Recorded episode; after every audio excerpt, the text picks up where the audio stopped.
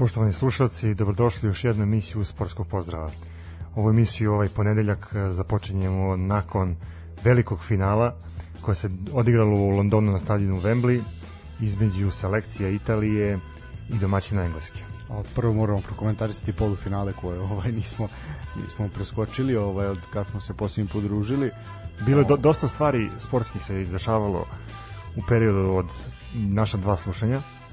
Pritom, da, eto, moramo da čestitamo Novaku Đokoviću, osvojio je Wimbledon, 20. Grand Slam titula da. i izjednačio se po broju Grand Slam titula sa Rogerom Federerom Nadal. i Rafaelom Nadalom. Stvarno veliki uspeh Novaka Đokovića. Da, pa, treći, i... treći ove sezone, jel, eto, ostaje mu još US Open da osvoji i onda je kompletirao Grand Slam. Ono što mene zanima, kako ti gledaš na, na Đokovića na Đokovićevu izjavu vezanu za olimpijske igre?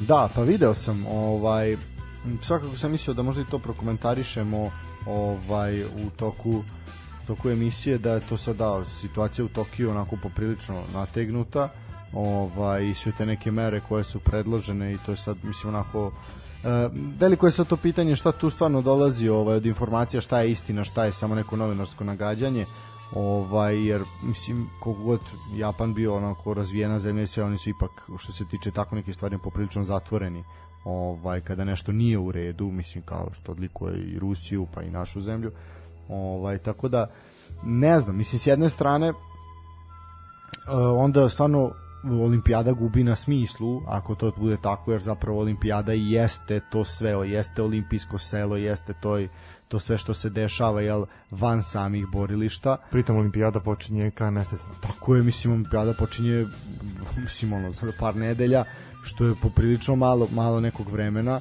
Videćemo kako će se to odvijati. Biće biće poprilično poprilično teško organizovati sve to i zaista će morati da se onako bude jedna ozbiljna ozbiljna disciplina i organizacija da bi se to izvelo onako kako treba jer ili, ili jednostavno onda da se potpuno promeni sistem da ne bude ne bude na jednom mestu što ali to je opet problem mislim to je za za kratko vreme nemoguće organizovati mislim eto seć, znamo da je olimpijada propuštena zbog drugog svetskog rata ovaj ali eto I zbog korone. Pa izgleda da će biti mislim da je možda čak i najbolje da da se da se odloži jer ovo po, po meni nema smisla ako ne bude bilo onako kako treba da bude. Pa znaš kako ja sam eto dobio izveštaj da da neće biti publike na, na olimpijadi. E, pritom, eto, e, učesnici, sportisti će biti smešteni po kategorijama, neće moći da se kreću kroz da. olimpijsko selo, neće moći, to što da, neće, moći, neće moći da. da se pripremaju na, na adekvatan način. Pritom, što ti kažeš, eto, sama draž olimpijskih igara gubi smisao ako se svakom sportisti i navijaču uskrati da odradi ono za šta je tu. Ono što isto mene zanima i stvarno bih volio da vidim kako će Japanci to da, da organizuju i kako će Međunarodni olimpijski komitet da to podnese ali eto, iskreno nadamo se da će Novak Đoković probati da, da osvoji konačno to olimpijsko zlato i da će nakon toga eto sa uh, US Openom uspeti da kompletira sve ove sezone. Uh, to je to što se tiče tenisa. Pogotovo što mu je to poslednja šansa da uzme nešto na olimpijadi ali zbog broja godina A, već. da. A što se tiče situacije u Tokiju, znači sadašnje mere koje su na snazi su donešene do 20 do 22, znači važe od 12. jula do 22. augusta, a igre su bile planirane za početak, znači za otvaranje je bilo 23. jul. Tako da mislim, a imamo i to protivljenje lokalnog stanovništva koje se buni, mislim, tako da... Misli da se opravdano bude? Pa da, onda nema šta, pa mislim onda sklonite i, i to je to. No, ajmo, ajmo na neke... Da, da, neke... mislim da je to to što se tiče tenisa. Eto, još jednom sve da. čestitke Novaku Đokoviću. Uh, idemo na, na futbolske teme, idemo da. na, na Euro, eto kao što smo već napomenuli, ajde prvo da krenemo od polufinalnog uh, duela. U polufinalu imali smo zanimljivu utakmicu između Italije i Španije. Uh, stvarno utakmica koja je obilovala sa dosta šansi, ali je na kraju sve rešeno nakon penala. A bila je, bila je odlična ovaj utakmica, ali mislim a ne znam šta bih rekao, s jedne strane prva, prva ozbiljna utakmica Španije, znači ono konačno su prvu ozbiljnu kvalitetnu utakmicu, odig, najkvalitetnije odigrali u polufinalu, ovaj, ali zaista Italija je prošla zbog onoga što su pokazali tokom celog šampionata gde su zaista pobeđivali i ozbiljne reprezentacije i bili ozbiljno, ozbiljno kvalitetni i bolji igrom i sve, zaista Španija tokom prvenstva nije pokazala ništa specijalno i to što su došli do polufinala je Dobro, mi kad smo pričali o njima isto, nagovestili smo ih neke skrivene favorite, ali su oni nekako to... Ma ni, mislim, nisu bili, pa, ni po ne, igri ne, nisu. bili su, bili su. A te nisu, nisu mogli da se sastave.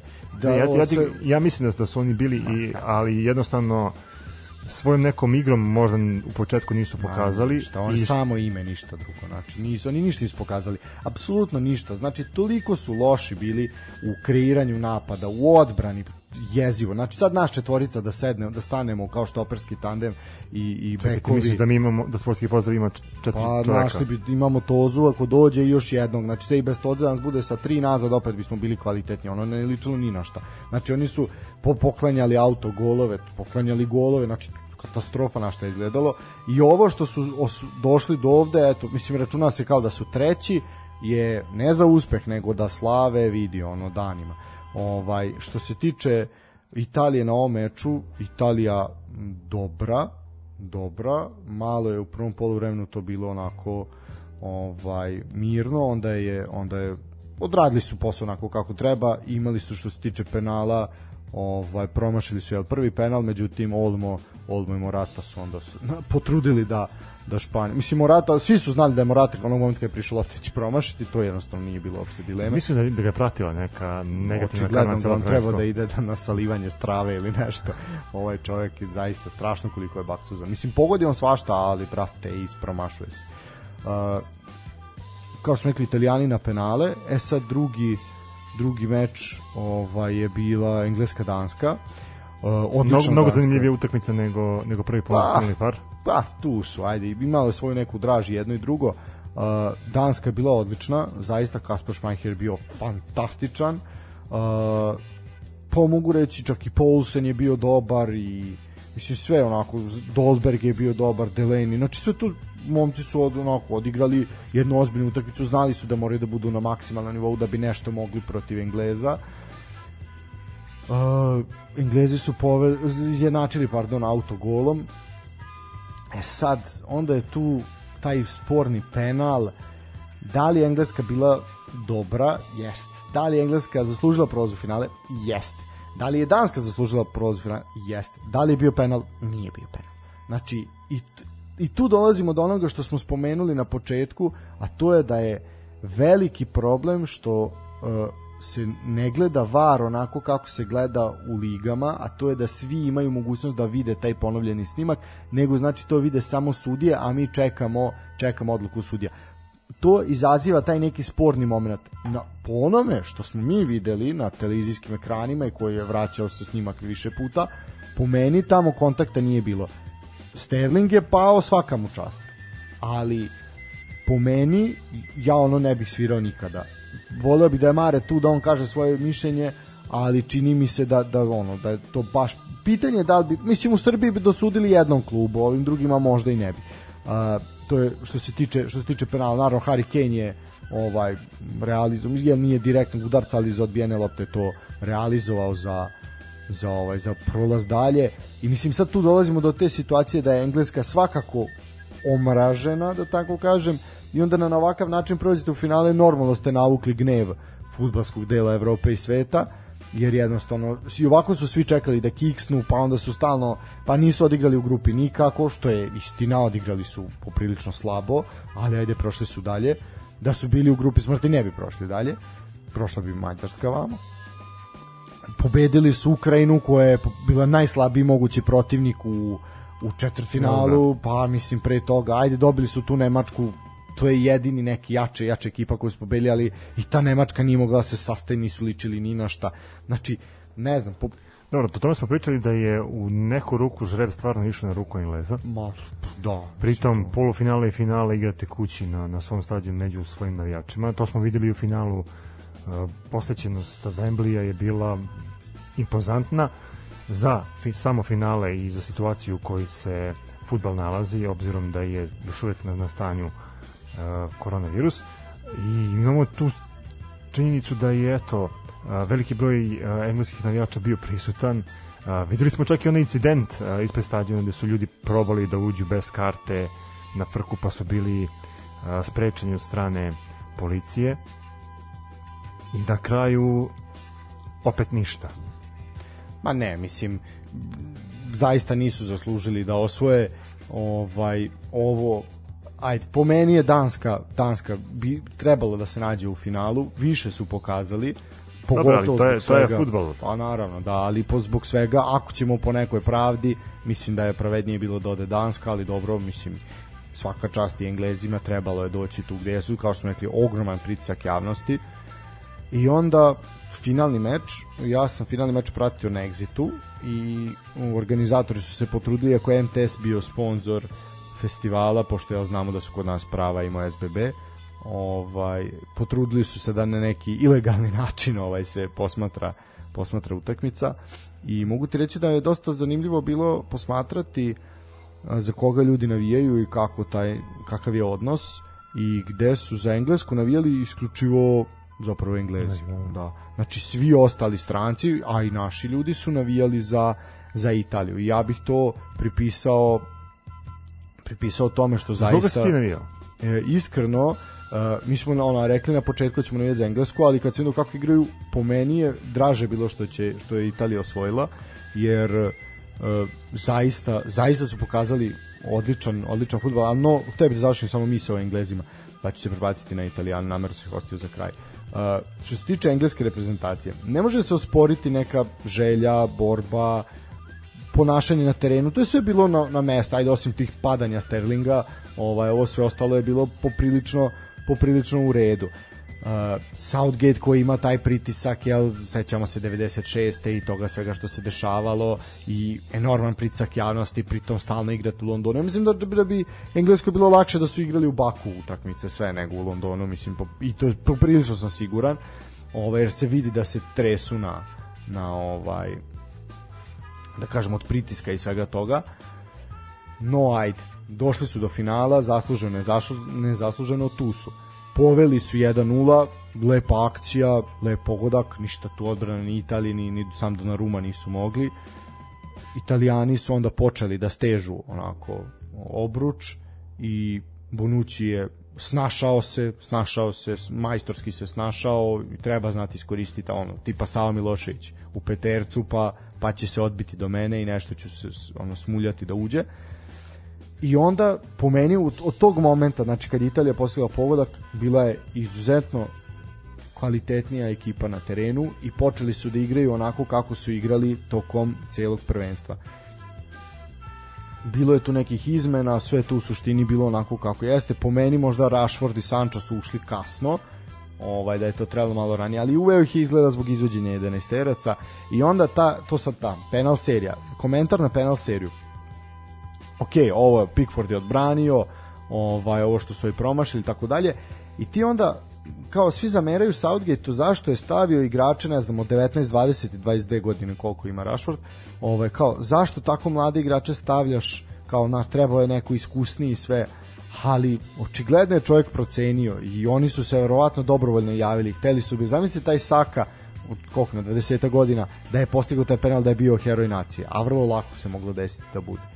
Ovaj pritom da ne kažem koliko je Saki skočila cena na ovom evropskom prvenstvu, to je tek tek za priču. Znači nije to nije to za bez veze, ali dobro, i ovo im je škola i definitivno ima, imaju Englezi budućnosti mlade talente i svakako ćemo ih gledati u narednim godinama u vrhu evropskog i svetskog futbala, ali ovaj put Italija zaista fantastičnom igrom uh, apsolutno, apsolutno je sve sve bilo na mestu. Prvi put su Italijani zapravo igrali fudbal. Obično smo navikli od njih da se provlače da to bude ono 1-0, pa na penale 0-0 i tako dalje, da se tu igra neki onaj dosadni fudbal sa puno prekida i sa bez ikakve igre.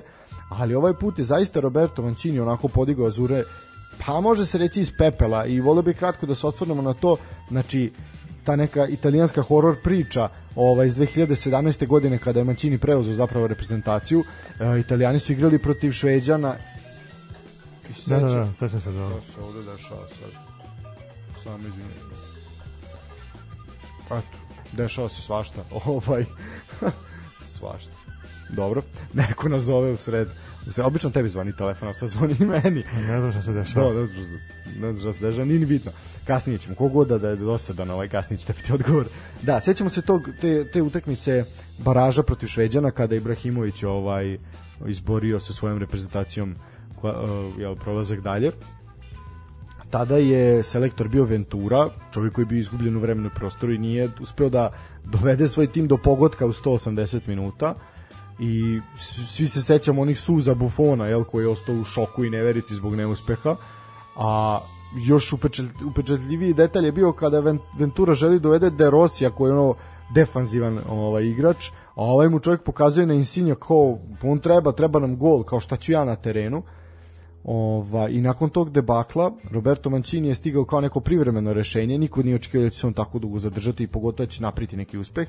Čovjek je povezao 34 utakmice bez poraza i osvojio evropsko prvenstvo. U 100 sigurno su igrali po meni najlepši futbol na, na turniru. Uh, ostao je bez Spinacole koji je u nekim čak tamo kategorijama statističkim koje ću malo kasnije navesti bio jedan od kvalitetnijih igrača na turniru, definitivno najraspoloženiji u igri. Ali zaista onako ostali su dosledni tom sistemu, nisu imali sistem destrukcije, nego sistem stvaranja i zaista, zaista ovaj, sve, sve čestitke i Roberto Manciniju i Italijanima zasluženo osvojeno i imaju čemu, imaju čemu da se raduju. Ono što sam ja primetio, eto, kad su u pitanju Italijani, jeste to da su oni stvarno pokazali da su tim. E, nema e, isticanje pojedinca, eto, e, Donnarumma je proglašen za igrača da, turnira. Da, doći do nagrada, da. Ali je stvarno nekako Italija delovala homogeno i delovali su stvarno kao jedna mašina koja zna šta radi. U momentima kada su primili gol od Engleza, oni su pokušavali na svoj način da povrate svoju igru, napadali su polako, tražili šansu i na kraju, eto, odnog kad su postali gol, a, mislim da je a, to promenilo dalje tok utakmice. Videli smo Engleze u nekom drugom obliku. Videli smo Engleze paničare, dešavalo se to uh, ispucavanje lopti, uh, defanzivna formacija. A nije to panika, to je to je njihov stil igre, daj da preskačemo, mislim ali to. nekako mi se to činilo da da su Englezi nakon tog gola pokušavali da na bilo koji način ovaj ili preko kontri dođu do pogodka ili ako ništa da da čekaju te penale. Uh, meni je drago eto što uh, imali smo tu situaciju da gledamo penale. Obično to je uh, najzanimljiviji detalj na, na futbolskim utakmicama i na futbolskim prvenstvima, pogotovo kad je jako bitna utakmica, onda to dobije dodatnu ovaj, draž. I videli smo šta smo videli, videli smo golmana koji je na kraju eto postao najbolji igrač turnira, što je stvarno redkost, jer obično znamo da, da ta nagrada ide uvek u neke druge noge, ne ruke. Da. Ove, što se tiče nekih još tih nagrada, ajde da to, ajde prvo ovako, znači, Italija je ovaj ovim sada ovom penal serijom ovaj uh, reprezentacija koja je učestvovala u najviše penal serija, bilo znači više od bilo koje druge ovaj evropske evropske nacije u na evropskom prvenstvu, jel? Ovaj što je to poprilično poprilično zanimljiva informacija i bili su uspešni, sad ću reći, bili su uspešni tri puta, tačnije, da, tri puta su bili uspešni, tri puta su bili neuspešni, eto 3-3 ovaj, eto, to, je, to je neki zanimljiv statistički podatak. Da, rekli smo ovaj, da je Donnarumma igrač turnira, pa ok, može se reći zasluženo. Pardon. Ovaj, e sad ovako, što se tiče uh, najboljeg mladog igrača turnira, to je Pedri iz Španije, ovaj, španski reprezentativac, ja bih se složio sa ovim, ovo je sasvim korektna odluka. Mislim da je dobro Da, do, da. odličan turnir, bio je zaista možda i najbolji pojedinac u španskoj reprezentaciji, definitivno neko ko će biti nosilac i bitan bitan faktor u, u reprezentaciji Španije. Najbolji strelac turnira je Cristiano Ronaldo sa pet pogodaka u četiri utakmice. A čekaj, pet pogodaka ima i, i Šik, tako? Ali utakmicu više. Utakmicu više. Da. Ovaj, znači, što je presudilo? Da. E, što se tiče nekih ovako što se tiče najboljeg tima ovako znači najviše golova su postigli Italijani i Španci ali postigli su po 13 ali morate uzeti u obzir da su Španci imali ono nakantavanje od 5-0 i ovaj Slovaki i tako dalje znači sve to je i pa mislim dali su pet komada i ovaj Hrvatima isto tako. Mislim to je naš, to dve utakmice su dali, zbog dve utakmice su dali 10 golova, a Italija ima konstantno. Uh, najviše pobeda Italija i Engleska po pet, Španija najviše nerešenih 4. Uh, on, timovi koji nisu izgubili u 90 minuta su Engleska, Francuska, Španija, Italija. Najviše golova iz kaznenog udarca su imali Španci i Englezi, najviše golova van kaznenog prostora su imali Danci, 128 pokušaja imala, na primjer, reprezentacija Italije da dođe do gola, eto, postigli su 13 pogodaka, najviše penala izvođenih, tači najviše postignuti penala je bi bio Portugal sa 3, najviše posed lopte imala je, eto, glezaču da ono što smo i rekli Španija. Znači ja sad opričam da bi se ono ko je slušao nas i one naše analize zapravo da vidi koliko smo bili, koliko smo bili u pravu. Najviše napada je na prvenstvu imala Španija sa 432, najviše asistencija upravo Španija, što pokazuje način fudbala koji imaju. Uh, najviše čistih čaršava, što bi rekli, su imali Englezi, čak pet puta nisu primili gol. Pickford, eto, po meni isto. Pa mislim da je da je Engleska uzela, mogo je Pickford da bude. Da, da, da, da, sa tobom. Da. Uh, najviše pogotovo, odbrana. Pogotovo što eto imao situaciju gde je Englezi izvuko, da. ali eto, nisu na kraju uspeli. Najviše odbrana je imala uh, Švajcarska, zapravo Zuber je golman koji je, uh, pardon, Somer koji je bio fantastičan. Uh, i najviše puta su vratili loptu u svoju posjed Italijani, što opet govori o tom presingu, presingu koje su igrali. Što se tiče uh, onih najboljih uh, igrača jel, koji su postigli najbolje rezultate. Najviše minuta je odigrao Donnarumma, on je proveo sva, zapravo nije svaki minut proveo na terenu, izašao je u poslednje minutu onda kada je zamenio Sirigu, kada ga je Sirigu zamenio, sećamo se toga, pričali smo o tome. Ronaldo je šik po pet gola, rekli smo s tim da Ronaldo u manje utakmica, zato i jeste najbolji sred turnira, ali Patri Šik, fantastični Čeh koji je imao zaista odličan, odličan turnir. Uh, najviše asistencije ima Zuber, četiri švajcarske, Jorginho ima najviše, više sad koliko Italijana ima ove u najboljim ovim stavkama. Znači, Jorginho je najbolj, najviše pretrčao, 86 km, što je zaista fantastično. Najbrži igrač na turniru je bio Spinacola koji je imao zabeležena brzina 33,8 km na čas. Najviše presečenih lopti Jorginho 25, što je inače rekord šampionata. A najviše pokušaja ka golu bez postignutog gola je Dani Olmo sa 20 Uh, najviše, uh, uh, najviše kompletiranih dodavanja Laporte 658, opet priča kako igraju Španci. Uh, mladi Robertson je bio fantastičan sa centar šutima 12 kompletiranih centar šuteva, najviše driblinga Sterling 34, Uh, najviše vraćenih lopti u svoj posled Jorginho 48, najviše startova Verati 30, znači sve italijani. Uh, čovek koji je najviše fauliran je opet Jorginho sa 18 faulova čovjek koji je napravio najviše faula je Danac Delaney sa 15 i najviše odbrana na turniru imao je Zomer, to sam rekao, 21 odbrana. Znači, zaista pokazuje da su, to što si ti rekao, znači, italijani su kao tim došli do ovoga jer su sa, na više na više, na više mesta, polja, da. tako je, na više polja su bili bili dominantni i samim tim su po meni zasluženo osvojili ovo ovo prvenstvo. E sad možemo se polako prešaltavati jel na na ovaj na domaće koloseke rekli smo da je jedini predstavnik naše lige bio Filip Hollander on se vratio sa evropskog prvenstva. Da, bez jednog minuta provedenog pa, na terenu. Da, njegova ekipa je završila takmičenje u grupnoj fazi, nije se obrukala, o tome smo pričali.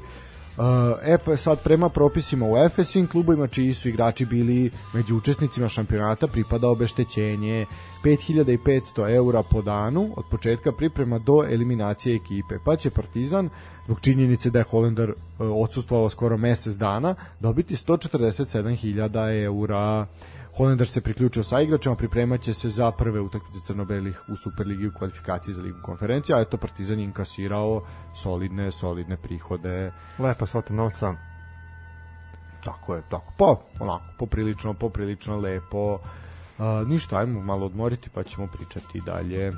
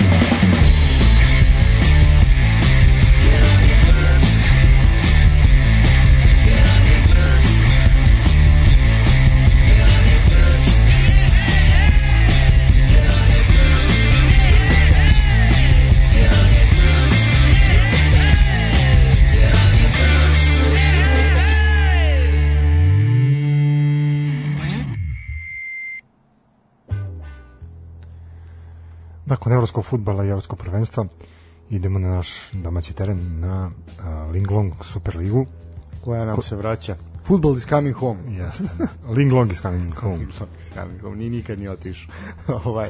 Pa nije se nikad ni sagradio, ali dobro nema. Da. Ima vremena. A ima vremena. Ovaj, Vreme radi za nas. Da, pa da budućnost je ovaj naš.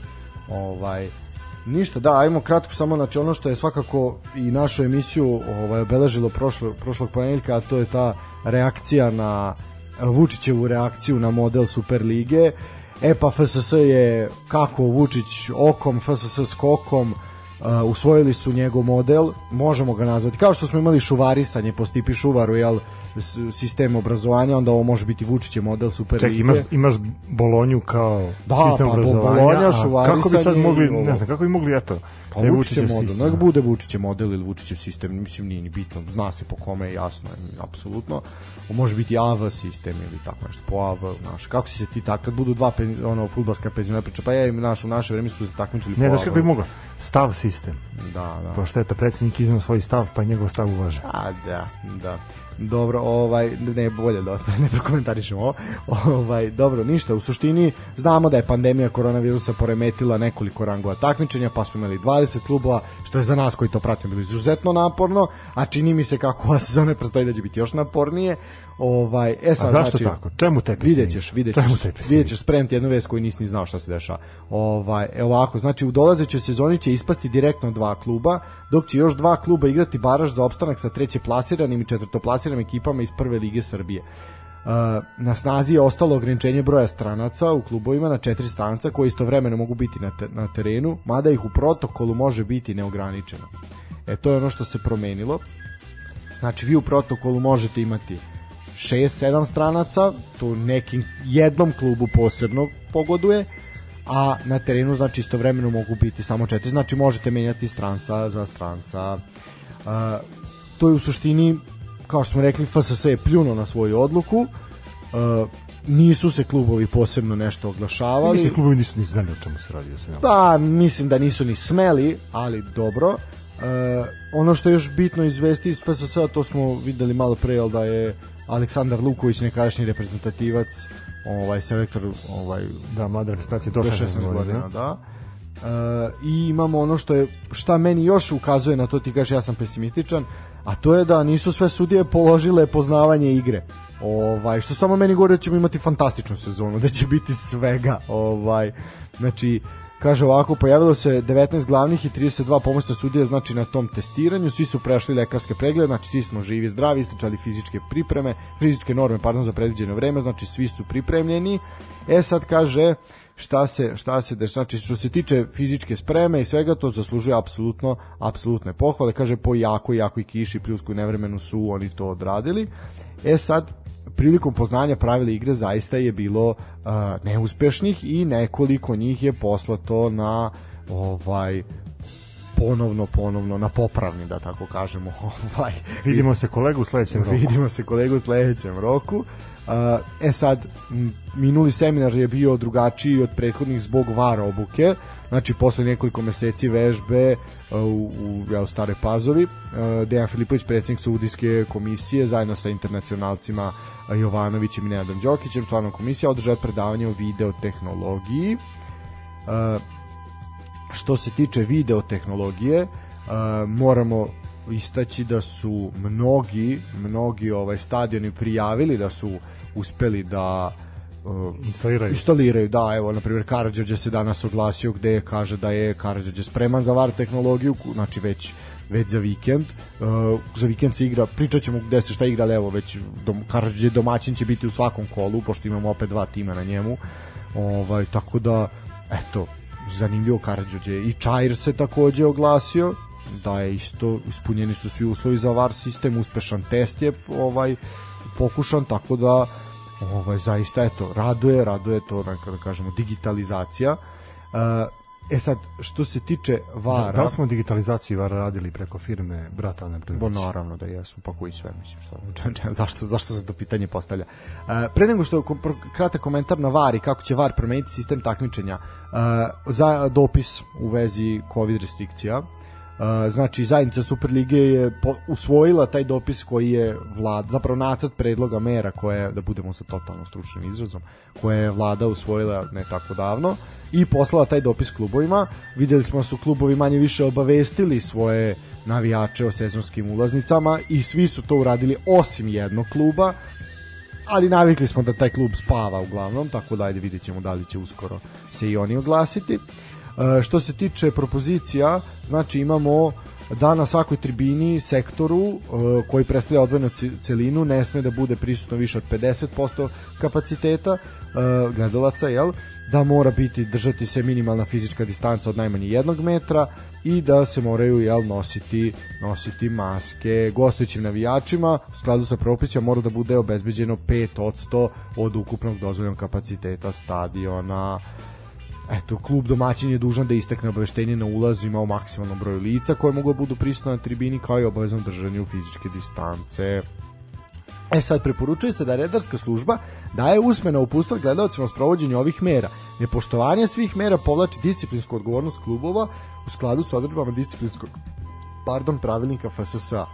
E sad, u slučaju da mi budemo sad, da kažem, nedisciplinovani, da li ćemo i mi snositi kao publika posledice? Pa, to ćemo da vidimo. Mislim, da li može redar da priđe da kaže ajde molim te ovaj ako ono te pomene dva puta i da kaže aj sad izađi napolje pošto to nema smisla šta radiš. Pa redar bi to mogu da uradi, ali opet znamo gde živimo i znamo da se kod nas prvo ne zna kako pravila funkcionišu tako da bi ništa ne bi iznenadilo, ali ono, održavanje status quo biće za sad da. jedini imperativ.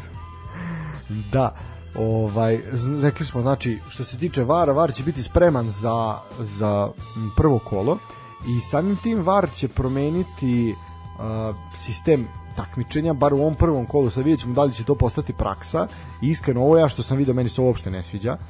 Uh, ima zapravo svojih prednosti svojih mana, ja ću sad ne znam, verovatno nisi, verovatno nisi video termine odigravanja utakmica, ovaj, pa, sad ćete iznenaditi, ovaj, znači ovako, u petak igra, imaju... Dobro, u suštini, evo, vidim, igra se mahom u, u večernjim satima. A svaka utakmica igra u posebnom terminu. Pa da.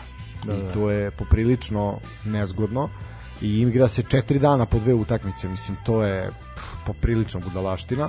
Ova, I opet imate taj ponedeljak. Pritom opet može da se prolongira regularnost od samog početka. To je tek priča za znači, sebe. Znači, ako imate kolo koje kreće u različitim terminima, da li je onda samo prvenstvo regularno?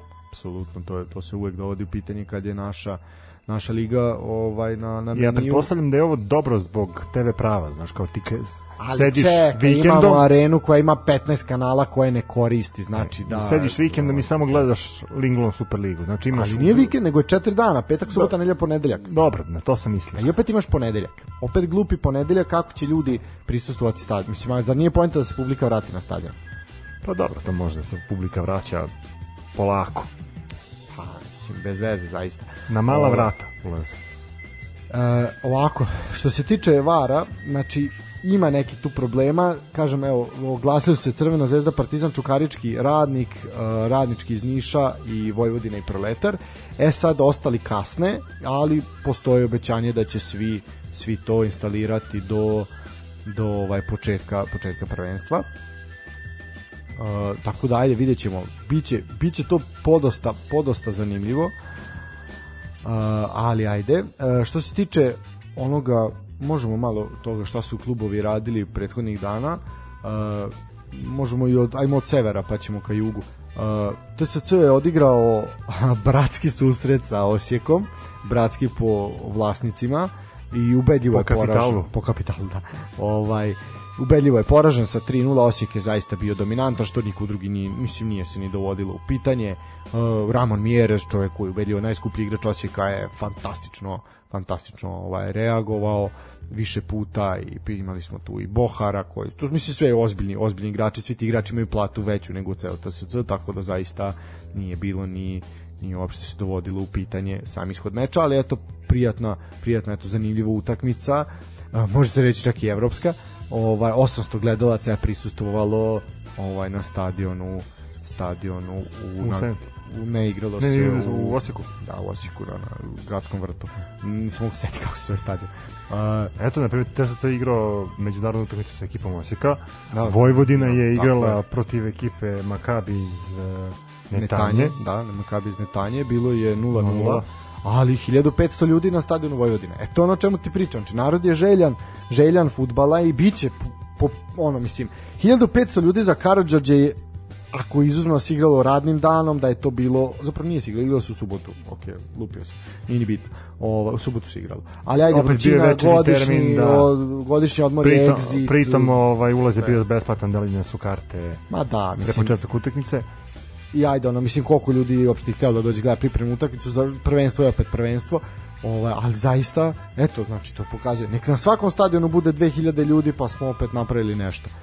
Tako da molim vas sa tim terminima zaista, ono, zaista, ne, ne, ne znam, mislim, poprilično sam za sad iz, razočaran, vidjet ćemo kako će funkcionisati, možda mi i grešimo, možda mi grešimo našu dušu, možda je to, ovaj, su organizacija zna bolje od nas, možda, opet kažem, ali ajde, vidjet ćemo, hoćemo... Ja, znaš kako, ajde sad, evo, pričamo o Linglovu Superligi, pa eto, Mhm. počinje za, za vikend. I ja sam optimističan i mislim da, ali optimističan sam i reći ti zašto. Mhm. Optimističan sam zbog toga što eto, imat ćemo priliku da gledamo futbol na nekom novom stadionu. Ja se nadam da će ovo, eto, konačno TSC svoje utakmice početi da igra na novom Mislim stadionu. da hoće da je, da je Topoledara. stadion spreman, da. Ovaj, radujem se eto uvođenju VAR tehnologije.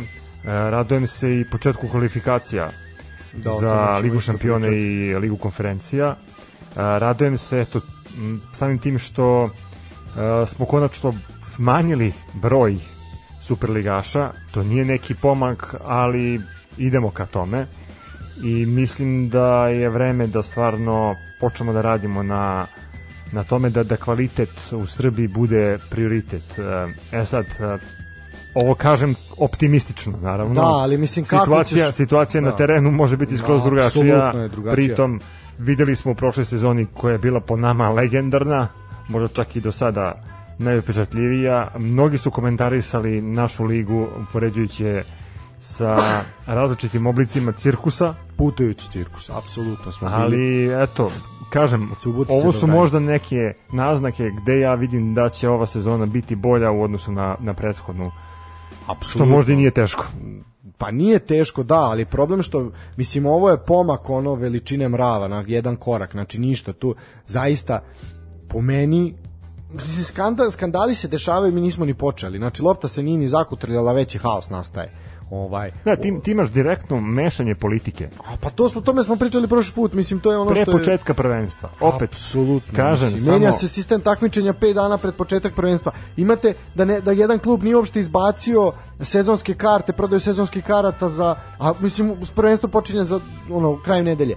Da ne pričamo da ne pričamo o ovaj o merama, o varu, o tome što reflektori Da, o broju stranaca. a, o broju stranaca, znači o tome što se ne znaju propozicije takmičenja pred početak.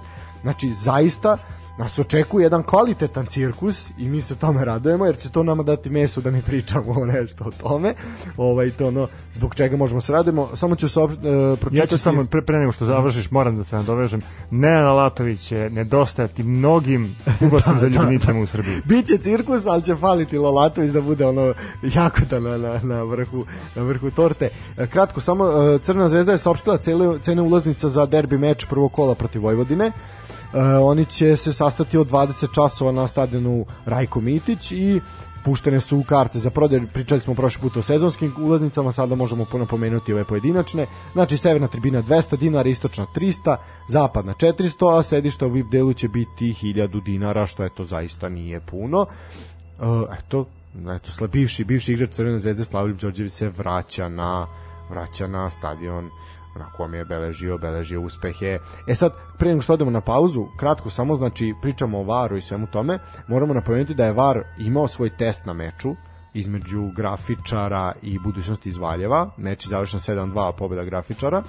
I uh, glavni Kakva sudija... demonstracija sile. Da, da, da.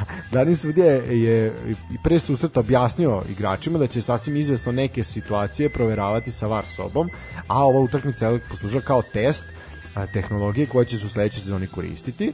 I u 65. minutu utakmice viđen je najduži prekid kada je glavni arbitar nakon konsultacije sa VAR sobom odlučio da spornu situaciju pogleda kraj terena.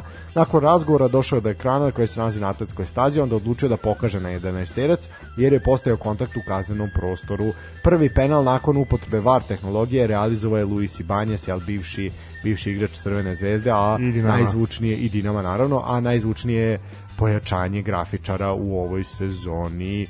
Uh, možemo i kratko samo od grafičara, pitali su svi Banje za čoveče sa takvom s takvom karijerom i svi šta, šta tražiš u grafičaru. On, on je rekao verovatno od uvek sam želeo da igram za ovaj ne, nije, nije, nije, nije, nije, nije, nije, ovaj. Zapravo se zahvalio predsedniku kluba Govedarici i uh, Dušanu Anđelkoviću, to je njegov nekadašnji saigrač iz perioda Crvene zvezde, koji je sada sportski direktor grafičara. I oni kaže su kada su ga pozvali, zaista su kaže izrazili veliku želju da dođe, da svojim iskustvom doprinese ovoj ekipi. Uh, on je rekao da zaista nema ničeg lepšeg nego tog da dođeš u neku sredinu gde te svi vole i cene, to je zaista tako i kaže da će najviše pomoći na treninzima i da će dati od sve sebe da utiče na mlade momke. E sad, ono što je jako bitno i zbog čega je zapravo Luis Ibanez došao, a to je što je grafičar potpisao saradnju sa jednim ozbiljnim, ozbiljnim menadžerom, agentom Darkom Alegićem. To je čovek koji zastupa mnoge mlade talente širom Balkana, znači e, igrači iz Hrvatske, Bosne i Hercegovine pa i Srbije i između ostalog Luis Ibanez je i njegov, njegov igrač, tako da eto, to očekujemo mnoge, mnoge, znači bit će zaista razvojni tim, razvojni tim imaće mnoge mlade talente, tako da eto, zanimljiva I prekaljene futbolske zvezde. Tako je. Uh, možemo, hoćemo prokomentarisati RTS kratko pa na pauzu. Pa ajmo, ajmo. Aj, RTS, RTS još RTS. Kad... Njih uvek volimo. A njih volim da dokačim, da, isto, skoro koji predsednika. Na pitanje koga više volimo. Ovaj, Pogotovo sad ide porodično blago ponovo. Da, video sam katastrofa, znači. Ovaj, e, e da, kad smo kod RTS i kod Partizana, e, video sam da su ljudi primetili da porodično blago da tika špic na šeširu nosi grb Partizana. Jeste to primetili? U značku? Da, značku, da. Jesam. Ja, ja sam to prvi put sad pročito, zapravo to nisam primetio. ovaj, ali dobro, eto, zanimljivo. E, što se tiče RTS-a, RTS je objavio vest da će prenositi e, kvalifikacionu utakmicu Partizana i Dunavske strede znači 22. jul od 21 čas, znači to se odnosi na e, meč kada je e, Partizan, Partizan domaćin, da. da. Još uvek se kažem, mislim, malo je čudno što RTS to objašnjava, znači objavljuje kao utakmicu da pa normalno će prenositi, a Partizan kao klub ne objavljuje da li će biti publike ili neće biti publike na tom meču. Po, misliš ti imate 10 dana do te utakmice. Da se ne lažemo, jako teško će biti Partizanu i jako će mu trebati pomoć publike i mislim da zaista ne znam šta čekaju Partizanu i zašto ne objavljuju. Ja sam više puta pomenuo Partizan je u žrebu dobio možda i najtežeg pa protivnika sigurno, da. i bit će veoma težak taj dvomeč, ali eto, Partizan ima šansu jer prvu utakmicu igra kod kuće, pa ćemo videti kako su se igrači Aleksandra Stanovića pripremili za ovo takmičenje i kako će to sve izgledati. E, ja mislim da je vreme stvarno da odemo na... Da, malo, malo, da, može.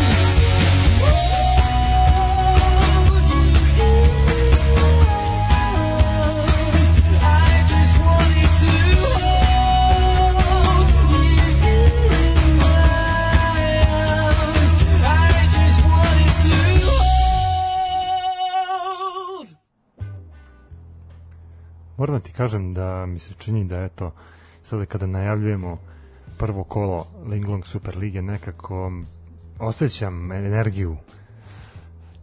Da, pa ne, moram priznati da ovaj... Prvo, prvo sam... ne mogu da verujem da, da je prošlo toliko vremena od, da, da, da, od poslednje da, utakmice da. i finala kupa do eto početka nove sezone 21-22 i stvarno ja se radujem imaćemo materijala uh, konačno će naše emisije imati da imate nekog smisla. Da, da. da, pa ne mislim uh, to sam, o tome sam upravo razmišljao dok sam prelazio most i išao na tvrđavu ovaj. Čekaj me ideš na exit i sad razmišljaš da, o, da, da, ne bi se verovali da, da, ne, to, to je bilo veče kad je bilo finale tačnije jel sinoć kad je bilo finale evropskog prvenstva kao kao ono, ok, završava se jedan ciklus, ciklus je, mesec dana je trajalo evropsko prvenstvo, videli smo zaista mnogo utakmica, mnogo kvalitetnih utakmica, mnogo i ne toliko kvalitetnih utakmica. I kao ono, znaš šta, jedan period je, znači to je jedan ciklus je završen. Sada počinje nova sezona, počinju nove kvalifikacije za ligu šampiona, ligu Evrope, ligu konferencija, jel? I počinje naše domaće prvenstvo, počinje ono zbog čega smo mi počeli da radimo ovu emisiju. Znači ono što je zaista, zaista naš u našem izvornom obliku i zbog čega su ljudi počeli da nas slušaju. Da, da, to je neki naš da. zaštitni znak. Trema. Pa tako je, da. Znači, počinje druga sezona, druga sezona, ovaj, ulazimo u drugu sezonu sportskog pozdrava, ali tako imali smo onu prvu, sad je ovo, može se reći, zvanično druga sezona. Tako je, tako znači, je. kad budemo prvo, pregled prvog kola imali, onda će biti nova. Sad je ovo samo teaser, kao najava. Uh, Tako da da, zaista ovaj konačno ću moći malo da otpustim, ovaj bio sam vratno naporan u prethodnom periodu, ali sam imao višak energije koju nisam mogao da trošim na praćenje domaćeg fudbala, tako da Pritom ti si na primjer uh, jedan od retkih ljudi koji ja znam koji su ispratili svaki minut ovog evropskog prvenstva. Da, apsolutno. Da, ne znam da li trebujem ponosan na to. Pa ja mislim da si budala, ali dobro. pa da, pa da, ovaj. A šta ako kažem da ćeš ispratiti svaki minut ovaj Linglong Super League? To, to je već posebna F dijagnoza. Fan, F kao fanatik dijagnoza. Ovaj tako je. Ne, ali kao naš on konačno, tako da se sad izvinjavam svim mojim prijateljima koje sam smarao da se viđamo, pijemo kafe, ispijamo piva. E, Nećete ga više videti. Da, ovaj ženo, šta ti kažem, švalerko, devojko, mama, tata, žao mi je, to je to što smo se družili, družimo se, videli smo, vidimo se kad bude reprezentativna pauza, počinje najluđi cirkus, ako je formula najbrži, ovo je najluđi i otvara se u petak u 5 do 6 Uh, naravno na Areni Sport jedva čekamo. Gradski derbi. I to gradski derbi, da, mali beogradski derbi, Čukarički voždovac. Ajmo, tradicionalna naša rubrika šta ćemo promašiti ovaj put. Uh, Čukarički ima fantastičnu seriju u pripremnim utakmicama iza sebe, dobro su se pojačali, sistem je tu kao što jeste. Rogan je do duše najavio mnogo bolji voždovac nego što je to bilo u završnici šampionata i najavio da će voždovac ovaj put da cilja na neku gornju polovinu tabele, vidjet ćemo li koliko je to realno, ali ja bih ovde apsolutno dao prednost Čukaričkom bez razmišljanja. Takođe, pritom, ono što sam ja uspod da ispratim kada je u pitanju ekipa Sebanovog Brda, jeste da su oni ostali bez Danila Pantića, pojedini igrači su napustili klub i otišli put inostranstva, ali to je sistem koji radi, koji se stvara i po meni Čukarički će biti jedan od uh, 4 ili 5 favorita u, za Evropu, apsolutno. Tako da, eto, stvarno mislim da uh, dobro je što igraju utakmicu protiv Voždovca, baš me interesuje u tom odmeru snaga uh, ko će uzeti bodove, ali eto ja delim isto tvoje no, mišljenje, da, mislim da Čukarički veliki favorit u ovoj utakmici. Tako je. Uh, onda kažemo idemo derbi kola, a to je Crvena zvezda Vojvodina. Uh, od, od 20 časova, znači to je sve petak, dve, imamo dve utakmice po danu. Uh, znači druga utakmica je između beogradskih i novosadskih crveno-belih. Uh, Slavoljub Đorđević kao bivši igrač Crvene zvezde se vraća na Rajko Mitić na mesto uspeha ili na mesto zločina.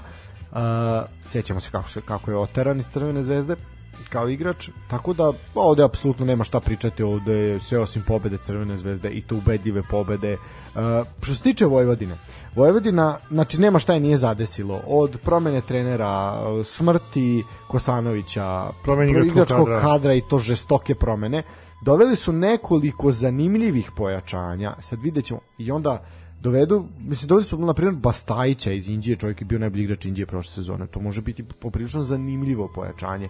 Još nekoliko dobrih momaka i onda im se povrede tri glavna igrača na pripremama. Od toga jedan na treningu opuštanja se oklizno slomio ključnu kostu. Mislim, ono, neverovatno.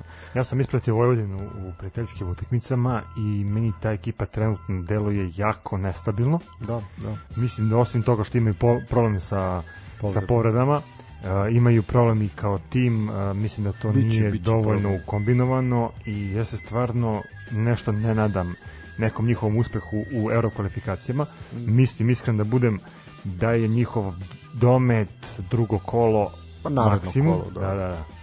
Ovaj, u ovom dvome, odnosno u ovoj utakmici protiv uh, Crvene zvezde, Zvezda je apsolutni favorit znači. i sve osim toga smatra iznenađenjem. Tako je. Uh, naravno očekujemo očekujemo i pregrš golova. Uh, što se tiče subote, u 5 do 7, znači ovo je bilo u 5 do 6, ovo je 5 do 7, uh, TSC Bačka Topola protiv Novog Pazara, Evo može biti poprilično jedan zanimljiv duel. Ja ću utakmicu svakako gledati. Da, ovo će biti zanimljivo za gledati. Uh, Topola, apsolutni favorit. Pojačali su se, kao što je imali su ozbiljne testove tokom priprema. Novi Pazar je kuburio sa tom licencom, hoće ostati, neće ostati. Uh, ne znamo kakav prelazni rok su uradili, koliko kvalitetan vidjet ćemo, ali ono što sigurno neće manjkati to je borba i željano pazaraca da ja mogu da ti kažem da, do pobede. kada ove dve ekipe igraju uvek je zanimljiv fudbal. Apsolutno, apsolutno.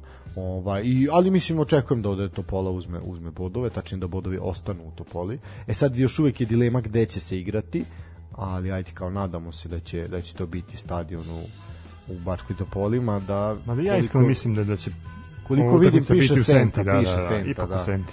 Ajde vidjet ćemo. Uh, u 21 čas na Karadžorđu Proleter Partizan. Uh, isto zanimljiva utakmica. Pa, Partizan je definitivno favorit. Neštima ni u Partizanu baš sve najbolje. Uh, prelazni rok je određen u najmanju ruku čudno. Uh, osim Ricarda, ovo sve ostalo nije I Danilo Pantića, nemoj da, tako. Pantića, ko zaista bih volao da ne moram ponovo da gledam u srpskom futbolu. Uh, što je, e sad da. Dobro, pazi, on je, on je definitivno pojačao Čukarički svojim definitivno. Odlaskom. Da, odlaskom definitivno. Sad dalje je pojačao Partizan dolaskom, to je veliko pitanje, to ćemo tek videti. Uh, jedna stvar samo, znaš kad sam, znaš kao ono, uvek to ide naš pred početak sezone, ma kao svi imaju šansu, svi imaju, mogu svi sve i to naš ono, ta nadanja. I onda izađe vest da su Miloš Jojić i Ivan Obradović kao vegani se na jel, iskrenom veganskom i sve to nije da imam ništa protiv vegetarijanaca i vegana nemam zaista. Ovaj, čak i poznajem neke ljude drage koji se tako hrane. Uh, ali za profesionalnog sportistu da bude vegan mislim da je poprilično teško uh, i na, da oni eto kao vegani se na svoj način pripremaju za nastavak šampionata E, sam to mislim da tu sva nadanja Partizana padaju u vodu ovaj, sa tom vešću. Mislim da su se onako navijači obeshrabrili totalno. Ajde, vidjet ćemo. Što se tiče ovog duela, očekujem golove. Uvek bude gola u duelu Proletera i Partizana, uvek bude tri, više od tri gola. Ova, I naravno pobeda, pobeda crno-belih, apsolutno. Meni je žao što je to. Prošli put smo ovaj utakmicu između Proletera i Partizana zapamtili po maestralnom dribling sprintu A, Takuma Asana. Takuma Asana. Poslednjem golu Partizanu. Da, da. E, ova utakmica, eto, otvara Partizanovu sezonu i Partizan je veliki favorit ovde, ali eto, Partizan je navikao svoje navijače na, na, sve na neke kiksove, na, na sve i svašta, među ostalog, pritom verujem da je njima glava već ovaj, na nedelje, da, da, da, tako da to možda može Proletar da iskoristi, ali eto, vidjet ćemo. Pa znaš, sad, sad bi Partizanu trebala ona serija pobeda koju su imali kad je Stanović došao. Znači, ako želite da se iole takmičite za titulu, morate početi od starta. Svi znamo da je zapravo taj početni period, početak sezone kad je Savo Milošić prošle sezone bio trener, to je bio koban zapravo za titulu. A plus onaj derbi koji nisu izašli u drugom poluvremenu. Uh, ali ajde, vidjet ćemo, vidjet ćemo šta se deša. No, nova sezona, nova šansa. Uh, to je to što se tiče subote. Nedelja u 5 do 7 bratski derbi. Opet. Opet, da, opet, opet Subotica. Nekad imam osjećaj da, znaš, kad, kad idemo na relaciju Niš, Subotica, Subotica, Niš, eto, desilo se da konačno bratski klubovi otvaraju novu sezonu. Da, je to u Subotici. Uh, Spartak je domaćin na Radničkom. Mislim da će Spartak ovde odneti, odneti bodove. Što se tiče prelaznog roka, Spartak je imao odličan posao prodajem Tufekđića, radnički iz Niša grca u ozbiljnim problemima. Pritom imali su tu situaciju sa Nenadom Lalatovićem, Da, njegovim dovođenjem. pa otišao, da. Pa otišao, pa su imali e, nekako stvarno čudan e, transfer. Pa i pripremni period, period. period da, Da. apsolutno. Vidjet ćemo, biće, biće zaista zanimljivo i ovo će isto vredeti, vredeti pogledati. E sad utakmice koje možda neće toliko vredeti pogledati, a to je od 21 čas. Znači tebi u prime time-u znači, će biti mladost, Lučani, Radnički, Kragujevac, što Radnički zaista... se vrati u Superligu. Radnički se vratio, igraće, pa to je neki možeš reći komšijski derbi, recimo tako, mislim nije baš blizu, ali ajde, ovaj pod prednost apsolutno ide Lučani. Mislim zaista ne znam šta možemo da očekujemo od Radničkog. Mislim Nisam ih ispratio ovaj, Da. u prvoj ligi, ne znam kako Pa su bili su bili, su dominantni. ali opet to ne znači ništa. Da. Da. biste igrali Superligu, vi morate da uložite određena sredstva, morate da promenite igrački kadar, mora da postoji kvalitet. Jer Superliga je Superliga i svi ostali rangovi takmičenja ne mogu da se porede sa Superligom. Radnički nisam ispratio, ne znam koliko su dovodili, šta su radili, ali eto, vidjet ćemo protiv uh, mladosti sa čime raspolažu Pa da. i sa kojim sastavom ulaze u novu sezonu. Da. Uh, e sad jedan poprilično zanimljiv duel nas čeka u ponedeljak u 5 do 7, a to je, pa to će biti tamo u periodu naše emisije, eto, moći ćemo da ispratimo ovaj zanimljiv meč i ovo će biti poprilično zanimljiv meč. Radnik Surdulica Metalac.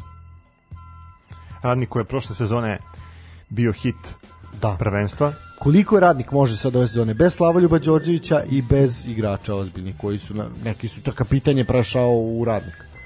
ja ću ti reći... U, ja, Voj, u Vojvodini. Vojvodini, izvinjam da, da. Ja mislim da, da radnik ove sezone će biti u položaju borbe za, za opstanak. Hmm. E, mislim da oni nemaju kapacitet da dve sezone za redom im e, izguraju u gornjem delu tabele. E, Metalac, e, pričali smo o njima, Žarko Lazetić je uzeo ekipu pod svoje, produžili su s njim ugovor, e, Ma da, počeo da, da pravi selekciju igrača na koje može da računa i mislim da je Metalac definitivno favorit u ovoj utakmici. Evo, samo ću reći jednu stvar. U poslednje četiri utakmice između ova dva tima a, stalno je ovaj oba, oba tima su dala bakar po jedan gol. Eto, to Pa je ništa, eto, za, za kladioničarski, da. kladioničarske Da, zaljubljenike ova informacija može biti vredna dobitka da. da. ili gubitka. ili gubitka, da. I onda kolo zatvaraju u ponedeljak od 21 čas napredak a, napredak I Kolubara. Kolubara u Superligi. Da. Znači, zaista, ovaj, pa, mislim, svi mečevi su zanimljivi, meni lično... meni je interesantno. Interesantno je, da, ali je, po meni, evo ti šta je višak? Po meni je višak su lučani radnički i napredak kluba. To je višak, apsolutno. Možda ružno zvuči, ali po meni je to višak. Mislim, ne znam. Eto, to, to je moje lično mišljenje. Da bi Možda, možda nas brzo- razuvere. Možda nas razuvere Ajde, okej. Mislim, ja se sećam, sećamo se radničkog u prošlom, prošlom, prošlom sazivu, jel, kad su bili u Superligi, sa Darkom Spalevićem, jel, u čelu napada. Da, da, da, oni- Darko Spalević je sada, mislim, u futbolskom klubu Kragovac. Da, ovaj, znači gde su oni zaista lepo su igrali, bilo je to kvalitetno, ono, zaista bilo je lepo i za gledat. Ja sam bio poprilično oduševljen, čak sam ih malo preuzeo u menadžeru, pa sam se igrao sa njima. Znači, poprilično je to bilo zanimljivo. Da li možemo, onda se sećamo naravno i ružnih scena i sedenja na ovaj Na terenu, da. da, na terenu, ovaj, pa ne znam, po, poprilično je, mi je upitno šta možemo da, da očekujemo od njih, ali ajde, nadamo se, nadamo se najboljem. Što se tiče napretka i Kolubare, napredak je bio fantastičan u završnici gde su obarali sve moguće evropske i svetske rekorde.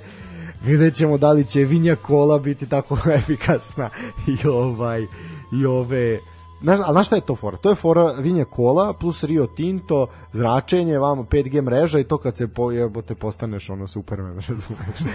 ovaj, tako da, što se tiče Pazi, Kolubare... još se popneš na, na bagere i Da, da, da, da. u Kolubari. A da, što se tiče Kolubare, isto smo imali taj neku vrtešku sa trenerima ko je došao, ko je kakav je to bio hit. cirkus, znači Colorado. ovaj, zaista ne znam šta možemo ovde da očekujemo. Znači, ni šta možemo očekujemo od Kolubare. Znači, ja mogu da očekujem od Kolubare ni da nam samo podršku treneru da izdrži. da, da, da. Znači, kakav su imali manevar na, na klupi stručnog štaba, ja stvarno mogu samo podršku da, da pošaljem. Pa, pa mislim ono, ajde, ajde sad možemo ovako, pročitali smo prvo kolo. Znači drugo kolo se igra 24. Ovaj naravno mi ćemo do, do toga ćemo se mi svakako odružiti. Ovaj a mene samo zanima aj sad kad ovako šta očekuješ od rad, dobro rekli smo radničke klubara, to ne znamo šta možemo. E, šta očekuješ od mladosti radničkog Spartaka proletera? Pa i Novog Pazara. Mislim, za ove ostale manje više znamo gde će biti. Pa, znaš kako, uh, mislim da ćemo verovatno u ovoj sezoni imati kristalno jasnu sliku odmah nakon par kola. Mislim da će 5-6 biti... ekipa se već odvojiti od ostatka tabele. Pa ne znam, ne znam, ima, ima, ima dosta da se igra, duga je sezona, ali kažem, nekako mi se čini da po meni glavni kandidati za ispadanje su radnik, pa eto, bit ću slobodno da kažem, možda je proletar. I... Misliš da, da će oba Dobro, da, imamo i baraž, da, izvini. Da, da, i eto, nek budu dva a, tima koja bi mogla da, da odu u baraž za a, opstanak u Superligi, biti, pa eto, nek bude Kolubara i, i možda Novi Pazar. Ne, radnički, radnički niš. Od radničkog ne očekujem nešto. Ma da, da prošli put si očekivao. Pa, slažem se, to sam baš htio da kažem sad, eto, od njih sam očekivao prošle sezone da zablistaju, oni su malo ispali. to ali kao, eto možda zu, sve, sve, možda sad kad očekujem da, da ispadnu iz iz Super ligi ili da budu ti koji će igrati baraž, da oni naprave čudo pa da završe u gornjem delu tabele. Ko zna, fut, futbol je to danas igraju futbol. Da svi igre lopte okrugla, teren neravan u da. Srbiji uglavnom, ovaj, pun krtičnjaka. Ne, biće, biće zaista zanimljivo. Mislim, mislim poprično je teško zapravo ovaj i neku tabelu kreirati, jer zaista ne znamo šta može. Imaš nekoliko tempiranih bombi, za koje ne znaš kako mogu da odu. Mislim, prva tempirana bomba je svakako Vojvodina i Voždovac. Znači, od Vojvodine, mislim priča, rekli spomenuli, spomenuli smo to da analitičari Vojvodine su dali prognozu da će oni biti deseti na tabeli. Što je Ja mislim da će biti negde 6. 7. Ne vidim ja njih uopšte u, u prvih pet. No nema teorije da budu prvi. Mislim to zaista zaista nema nikakve šanse. Ali ovo, mislim eto, ali ali realno može, postoji neka mogućnost ajde ono da, da, da ti mladi igrači sednu i da sve to krene kako treba. Voždovac, totalna nepoznanica. Pa i Novi Pazar, uh, Proleter, šta će biti s njima? Radnički iz Niša koji ono počeo pripremati sa sedam igrača. Znači, ne pitanje da li će biti da ih se skupe. Lučani od kojih, pa mislim, mislim da tu Lučani najstandardniji u suštini, oni će odraditi svoje pa svoje. Da. Uh, radnički, radniki Surdulice koji je ono i šutiran, ostavljen u kanalu da krvari. Pritom, eto, to, to si dobro primetio, ako pogledamo uh, spisak klubova, vidjet ćemo da, na primjer, uh, u donjem delu naše zemlje imamo Novi Pazar, imamo Radnički i imamo Radniki Surdulica. Sve ovo. Pa zavisi šta, da, koliko na, računaš kao jug, da. Pa da, ako da. da delimo kao jug i sever, Pol. imaš tu, ne znam, ajde, nap, da, napredak Kruševac. Znači imaš ajde. četiri ekipe iz južnog dela Srbije. Pa Sve ostalo, da, Beograd da, i Vojvodina. I uključujemo Lazarevac koji je eto blizu Beograda. Da. Ovaj pa dobro, da, imaš i Gornji Milanovac, mislim koji u suštini ajde može se vodi kao neki zapad, pardon, istok zemlje. Ovaj, pa da, mislim geografska podela, mislim videli smo geografsku podelu u prvoj ligi Srbije gde su svi koncentrisani u Vojvodini i Beogradu, da. imate dva tima dole što je isto poprilično poprilično čudno. Uh, ništa, da nećemo davati predikcije tabele, mislim da to zaista bi bilo Ja mogu eto u, u napred da Ko će biti šampion? Pa Zvezda. Dobro. Sve si rekao, ajmo na pauzu. Ali eto, šta, šta očekuješ ti? Ajde, reci mi. Pa vidi, realno, ako bilo ko drugi uzme titulu sem Crvene zvezde, nek uzmu, nek se pobiju svi realno na Marekani, nek onaj top okrenu ka stadionu, nek opale, nek sruše stadion. Zaista. Znači, doveli su ozbiljne igrače. Doveli su ozbiljne za igrače. Ozbiljne, za ozbiljne novce. Apsolutno. Pritom, hoće da prođu grupnu fazu Lige šampiona, da se zajebavaju na ovim našim livadama, da ne uzmu titulu. Zaista, mislim da, izvinjavam se, na livadama pokrivenim VAR sistemom.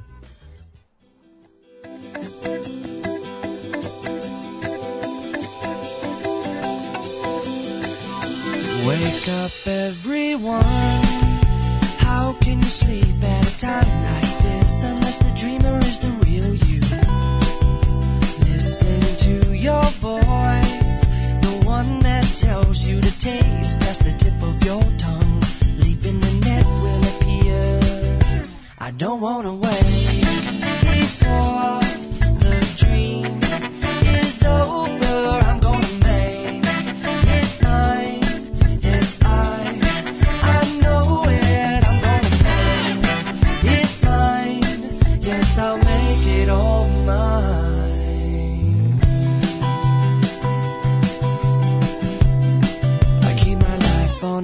On rotation, requesting that it's lifting you up, up, up and away, and over to a table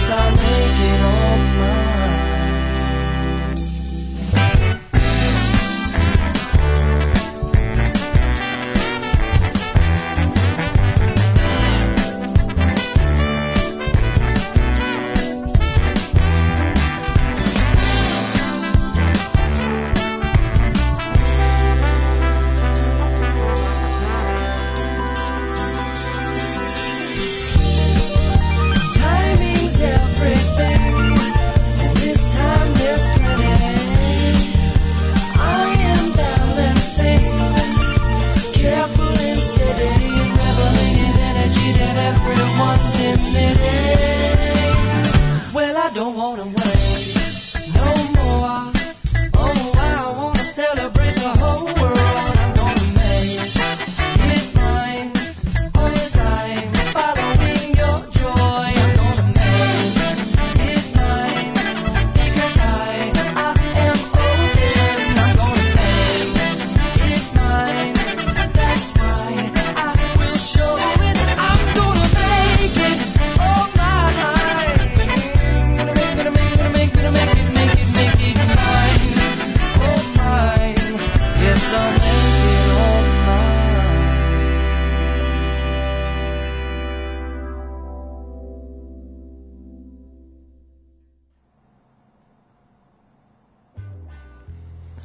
Sad mi je Stanislav dao jednu jako dobru i zanimljivu ideju, pošto su se neki klubovi već angažovali na polju kvalifikacija za evropska takmičenja. Pa sad koliko su se angažovali ili ne, to je pitanje. Da, ali pravu si da reci. Pa me zanima, eto, dokle smo dogurali Dokle su stigli naši? Ja sad ti reći. ovaj, pa moram reći da sam poprilično iznenađen. Sam malo kada listam, ovaj, ovo, ovo nije bio deo standardne teme, tako da malo ovde zanemarite. Ovo je sve jedan freestyling da, da, ovo je jedno off topic. Ali stvarno nismo se nadali da ćemo ovo da uzmemo Pa Da, nismo ovaj, u poprilično smo- razmatranje i u analizu ovih dešavanja Ne, pa sportskih. vidi, nemamo, nema realno se ništa sad da nije dešavalo što posebno, sad će krenuti naša liga, sad ćemo čemu A da nisi htio da, pričaš, da pričamo o Exitu. A pričat ćemo, doćemo i do Exita. Ovaj, e, ovako, na primjer, Konah Ki, ovaj, naši stra, stra, stari velški drugari su ovaj, tu, odigrali su, na primjer, utakmicu protiv jermenskog predstavnika 2-2 su završili, ali ono što je meni fascinantno da je Dinamo morao da kreće od prvog kola kvalifikacija. Znači, 3-2 protiv Va, Va, Valura iz, iz, sa Islanda, što je poprilično ovaj, E, kad smo, kad smo kod Dinama i kod um, Mamića i kod Vojka V, jesi bio na njegovom nastupu na Nexisu? A nisam, bilo mi je poprilično kasno, moram, moram priznati, za neke stvari mi je jako krivo što sam propustio. Propustio sam Vojka V, jer je bio on u 4 ujutro, ja sam radio ovaj sutradan, zaista za- ni, nisam, nisam imao snage. Ovaj, aj doći će Vojko uskoro, verovatno, ovaj, ponovo. I šta sam još propustio, nešto da mi je žao. Propustio sam Gobline koji su bili baš u momentu kad sam ja imao smenu, a bili su previše daleko od mene da bih mogao čuti. Ovi što su bili na main stage-u sam mogao da ispratim tipa hladno pivo, Darko Rundek i tako dalje. Ovaj, Kako je Rundek? Ovaj, Pa mogu ti reći da je više, da je više pričao nek što je pevao. ovaj. Ali dobro, odradio je svoje, mislim, ono, tih nekih festivalskih sat vremena, znaš, na brzinu, ono, Da, da. par pesama, malo priče i to je to. E, Mile Kekin, hladno pivo. Da, hladno pivo, oni su bili prvi dan. Ovaj isto kažem u pozadini su svirali dok sam ja dok sam radio, ne znam šta sam tu što vidio, bio je Van Gogh, malo tih nekih stvari. E, možemo da prokomentarisati Exit, pa ćemo se vratiti na evropske kvalifikacije kad smo kod Evrope. A, moram priznati, priznati da sam jako razočaran. Pazi, da ti kažem stvar, Exit je imao... Koji si dan ti bio? Drugi. Ja sam bio prvi, treći, četvrti. Znači šta samo je to drugi- četvrtak, Četvrta, subota, i nedelja. Samo sam petak propustio i to ne svojom zaslugom, ali dobro. Ovaj, kad pogledam line-up Exitov koji je ove godine bio stvarno u poređenju na, na ranije godine poprilično tanak, iako je Exit Da imao... ne ju- kažem neku drugu reč. Da, da, iako je Exit imao jubilej od 20 godina, Tako je. a, u poređenju sa, sa time i sa onim što mi sad eto smo uzeli da analiziramo, odnosno početak kvalifikacija za za evropska takmičenja. Čini mi se da Exit imao jači line-up nego početak kvalifikacija, pa zato ovaj. smo se prešaltovali na, na muzičku scenu. A, interesuje me, eto, ti si bio tamo u svojstvu radnika. Da, četiri dana. Kako Ovaj. si se proveo, kako je tvoje viđenje stvari? Pa ajde da možemo da exit skeniramo sa dve tačke. Ovaj, znači prva je da smo ovaj da je to prvi festival nakon otvaranja, da tako kažemo i da je A izgleda to... i jedini. A izgleda će biti jedini. A nije, mislim, bit će i Green Love ide uskoro. Dobro, mislim da- na, na ove ozbiljne da, festivale evropske. Ovaj, Mislim da Exit tu ne može da se takmiči sa, sa Arsenal Festom, Green Loveom i ostalim festovima, Beer Festom između ostalog. E. Da. Pritom Pa i što- Oktoberfest pa da. Novom Sadu i tako dalje. Ovaj, da, mislim, ako uzmemo u obzir da je to sklepano za mesec dana, da je to zaista mnogo, mnogo problematike oko organizacije, dolazaka stranaca, dolazaka stranih izvođača, a, zaista, zaista svega to jako puno peripetija je bilo. A, onaj deo koji sam ja prošao kao radnik i s neke strane sam se zato i prijavio da radim, vidim baš kako će to funkcionisati. Ovo, iako je bilo zaista poprilično i naporno. Uh, da sam sistem uh, dolazaka do karte, testiranja na više punktova u gradu je poprilično dobro funkcionisao. Jako je brzo sve išlo, iako su bili redovi, jako je brzo išlo, jako se malo čekalo. Uh, taj deo organizacije je bio dobar, znači sam dolazak na tvrđavu nije toliko sporan, više je po meni bilo sporno to sve što se tamo gore dešavalo, da mogu reći da je bilo onako poprilično i prazno osim subote i nedelje večeri, tamo negde posle 11 časova kada je ono masa došla. Kad su Ovaj, deca otišla kući. Pa da, da. ovaj, uh, opet jako puno, mislim, s mojim drugarima iz hitne pomoći, iz prve pomoći koje su tamo pružali, su zaista onako jako puno intervencija. Moram priznati da sam poprilično razočaran što su bili jako slabo opremljeni, da zaista to nisam onako očekivao. Uh, što se tiče neke razgovora sa policijom, ovaj, jako puno privođenja i hapšenja, pogotovo prvi dan. Ove sve ostale dane, na primjer, prvi dan, mislim izašla je ta vest, ajde sad ne, ne, nećemo ništa reći, ovaj, ali 55 privođenja je bilo na primjer prvi dan, a ove dane je bilo recimo po 30, 25, 22, znači to nije neki, ono, nije neki veliki broj, ali eto taj prvi, prvi dan je bio najdrastičniji. Uh, jako puno intervencije hitne pomoći opet mislim to ono što obeležava svakako svaki, svaki festival uh, najviše zbog jel, prekomerne upotrebe što alkohola što opijata. I s te neke strane je to onako poprilično tužno. Uh, što se tiče samog, samog line-upa i organizacije bina i svega toga, to je dobro bilo, bine su bile raspoređenje ok, nisu se mešali jedni drugima za različiti, jel, u zavisnosti kakav je muzički ukus, ali line-up je definitivno bio tanak, mislim, uh, Exit se sa festivala bendova pretvorio na festival, Festival ljudi koji, pa da, da, ljudi koji preko USB-a puštaju muziku, razumeš, ovaj, što je men, mene to mene lično ne privlači, ali naravno sve ima svoju publiku i I ciljnu grupu između ostalog. O, naravno, mislim, tu, tu, to me uopšte ne treba pričati. Mislim, kad sam video juče da neko je došao ciljano na Lajbah, ok, svaka čast, mislim, ali to opet nešto pokazuje.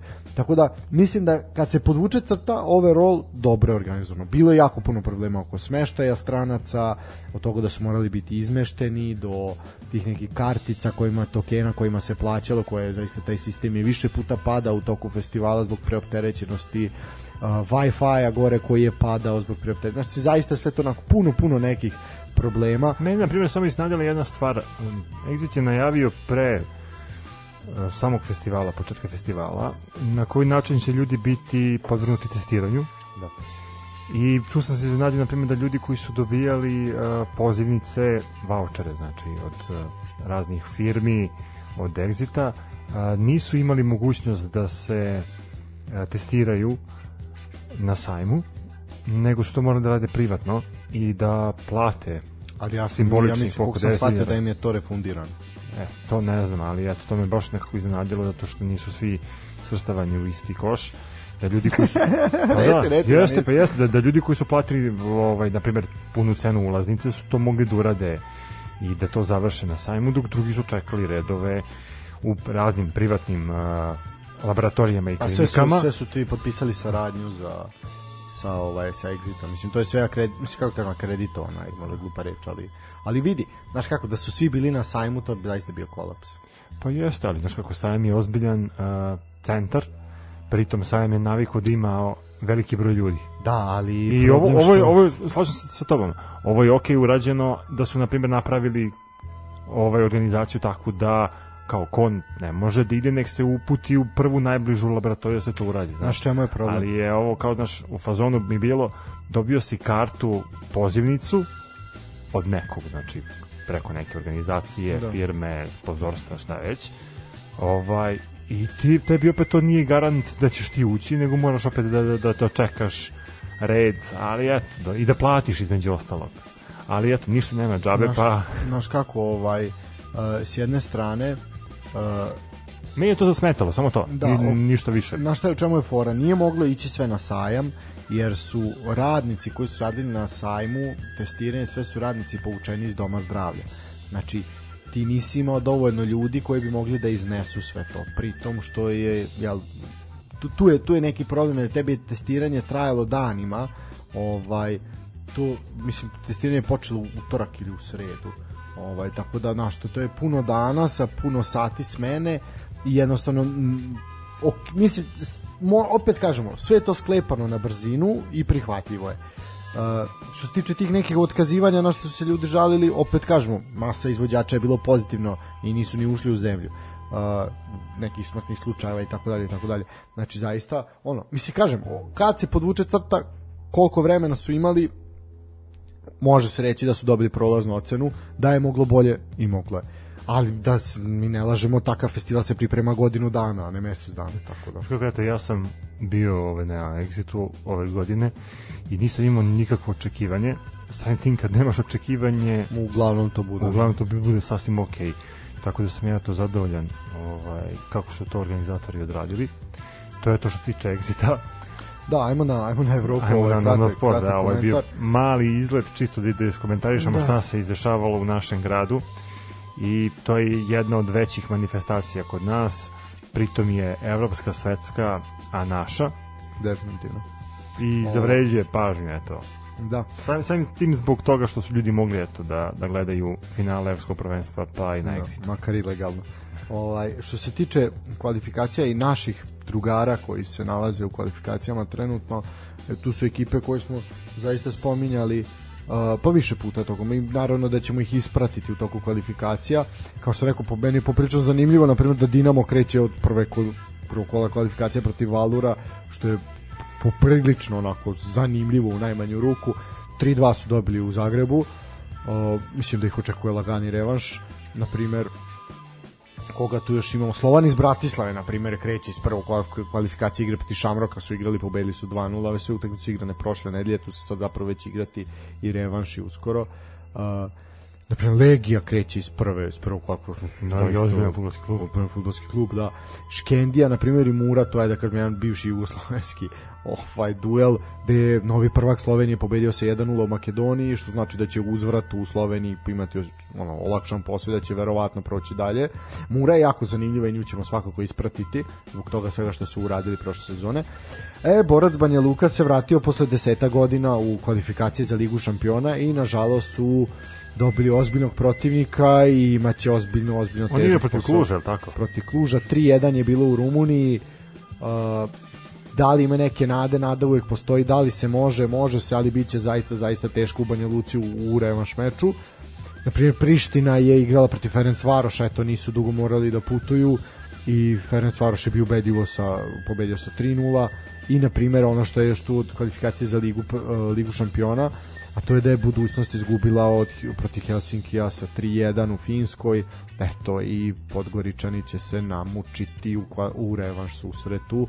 Što se tiče uh, konferencije, jel, lige konferencije, tu isto ima nekoliko naših okolnih suseda koje učestvuju, na primer Maribor je bio bolji od jermenskog predstavnika Urartua sa 1-0, Uh, na primjer Široki breg je pobedio Vilazniju sa 3-1 S- uh, na primjer utakmica igrala u Bosni i Hercegovini. Uh, Sutjeska je bolja bila uh, u Crnoj Gori protiv gruzijskog predstavnika Gagre sa 1-0 Velež je bio bolji od uh, predstavnika Kolerejna se, iz Severne Irske sa 2-1 pritom su i uh, Irci imali igrača manje. Znači Velež ima ozbiljne šanse da napreduje u kvalifikacijama za ligu konferencije. Šta imam tu još neki? Domžale su pobedile, na primjer, predstavnika Luksemburga sa 1-0. E, na primjer, imamo duel kosovske i crnogorske ekipe. Dečić je igrao protiv Drite, ovaj da je Drita pobedila sa 2-1, ali ajde, revanš će se igrati u Dečiću, vidjet ćemo kako će to proći. Ovaj, šta bih još nešto izveo da ima zanimljivo? A, da vidim, da vidim. Pa da još jedan... š- Tako, ovaj- Lud- Ludogorec svoju utakmicu igra na Banovom vrdu na stadionu Čukaričkog, ako se dobro sećam. Mm, nije da, da, revanš, revanš će biti, da, Da. da, pobedili su jednu, pobedili u Bugarskoj 1-0, sad će ovi biti domaćini u Beogradu, da, to je tačno. Pa, na primjer, još jedan duel makedonske i kosovske ekipe, što je ovako poprilično ono blizu. Tu su, na primjer, a, Makedonci su slavili sa 2-0. Sarajevo, na primjer, eto, to je po meni malo čudan rezultat, 0-0 u, u Moldaviji protiv Milsamija i najavljena je publika. Da, evo, evo ga, baš uh, Šahtior igra protiv Ludogoreca na, na Banovom Da, da, to je ono što smo pričali. Uh, na primjer, vezano za Bosnu, Bosna je najavila publiku na stadionima i puštene su i sezonske karte i uh, utak, i karte za u, u evropske kvalifikacije, znači to je to je nešto što što je već uveliko uveliko u akciji. Gledam tu šta još malo nešto ima zanimljivo. U suštini, evo, Silex iz Makedonije 1-1 sa isto Petroklubom s Moldavije. Znači, Puškaš Akademija, na primjer, 1-1 sa Interturkom, eto, to je možda onako nešto zanimljivo. Uh, naravno, tu sad, to je prvo kolo kvalifikacije, mi čekamo naravno da se da se tu pridruže i ostali i ostali klubovi, znamo koliko klubova je zapravo ove sezone izborilo takmičenje, iako, mislim, rekordan broj klubova svojih prostora će igrati evropske kvalifikacije, mi ćemo se truditi da to sve ispratimo i nadamo se da će Mislim, koliko je realno zaočekivati da može biti predstavnika ovaj, u Ligi šampiona, u Ligi Evrope i u Ligi konferencije? Mislim, Crvena zvezda mislim da će ući u grupnu fazu Lige šampiona, Ako ne uđe u grupnu fazu Lige šampiona, on ima jako velike šanse da uđe u grupnu fazu Lige Evrope. da. Tako da ja stvarno velike nade polažem u to da, da će Zvezda uspeti da pronađe svoj put do uh, evropskog gnezda, do, do evropske Da. A, što tiče makar ovo je drugog, drugog razreda elite. Pa nema veze, mislim, t- e, sama činjenica da igrate evropsko takmičenje, grupnu fazu, bilo kog, bilo Lige Evrope, uh, Lige šampiona ili Lige konferencija, je poprilično veliki uspeh za, za taj klub. Uh, komentarisao sam već Partizan, Partizan ima ozbiljan susret sa Dunavskom sredom, pa ćemo tu da vidimo. Pa ćemo tu da vidimo ovaj kakvog je kalibra Partizan. E, što se Čukaričkog i Vojvodine tiče po meni eto rekao sam Vojvodina može da ode najdalje narednu rundu.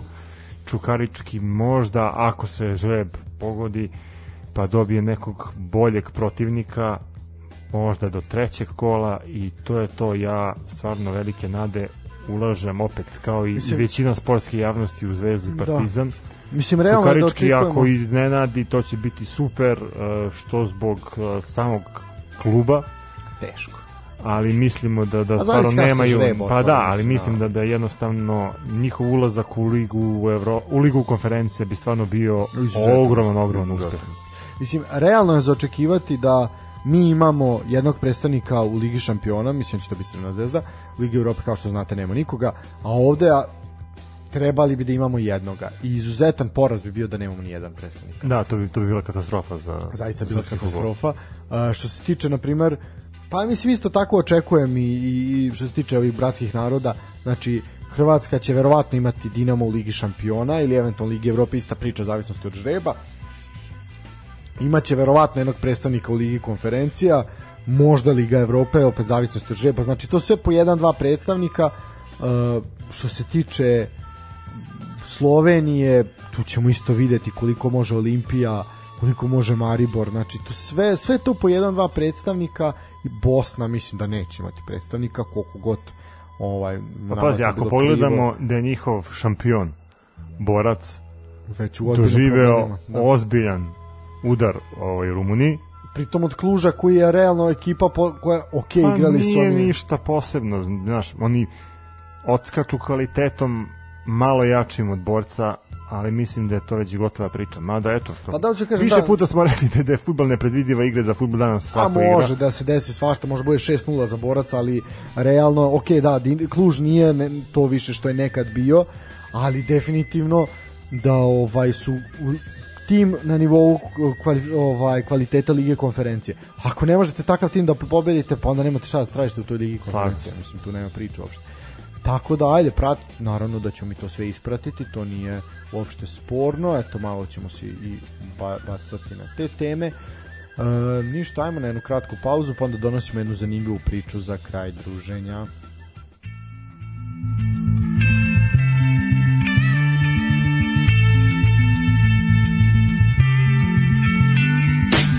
Come my lady, come, come my lady, you're my butterfly, my lady, you're my butterfly, sugar, baby. Such a sexy, sexy, little thing. This April bitch, you got me sprung with your tongue ring. And I ain't gonna lie, cause your loving gets me high. So to keep you by my side, there's nothing that I won't try. Butterflies in her eyes and her looks to kill. Time is passing, I'm asking, could this be real? Cause I can't sleep, I can't hold still. The only thing I really know is she got sex appeal. I can feel too much is never enough. You always here to lift me up when these times get rough. I was lost, now I'm found. Ever since you've been around, you're the woman that I want, so I'm putting it down. Come my lady, come, come my lady, you're my butterfly, Come my lady, you're my pretty baby, I'll make your legs shake, make me go crazy. Come my lady, come, come my lady, you're my butterfly, sugar baby. Come my lady, you're my pretty baby, I'll make your legs shake, you make me go crazy. You, essence, some kind of hidden message to show me life is precious, and I guess it's true. But to tell the truth, I really never knew till I met you. See, I was lost and confused, twisted and used. I knew a better life existed, but thought that I missed it. My lifestyle wild, I was living like a wild child, trapped on a short leash, parole to police files. So yo, what's happening now? I see the sun breaking down into dark clouds, and a vision of you standing out in the crowd. So come, my lady, come, come, my lady, you're my butterfly, sugar baby. Come, my lady, you're my pretty baby, I'll make legs shake, you make me go crazy. Come, my lady, come, come, my lady, you're my butterfly, sugar baby. Come, my lady, you're my pretty baby, I'll make your legs shake, you make me go crazy. Hey, sugar mama, come and dance with me. The smartest thing you ever did was take a chance with me. Whatever tickles your fancy, girls, me and you like Sid and Nancy. So sexy, almost evil. Talking about butterflies in my head. I used to think that happy endings were only in the books I read. But you made me feel alive when I was almost dead. You filled that empty space with the love I used to chase. And as far as I can see, it don't get better than this. So, butterfly, here is a song, and it's sealed with a kiss. And a thank you, miss. Come and dance with me. Come and dance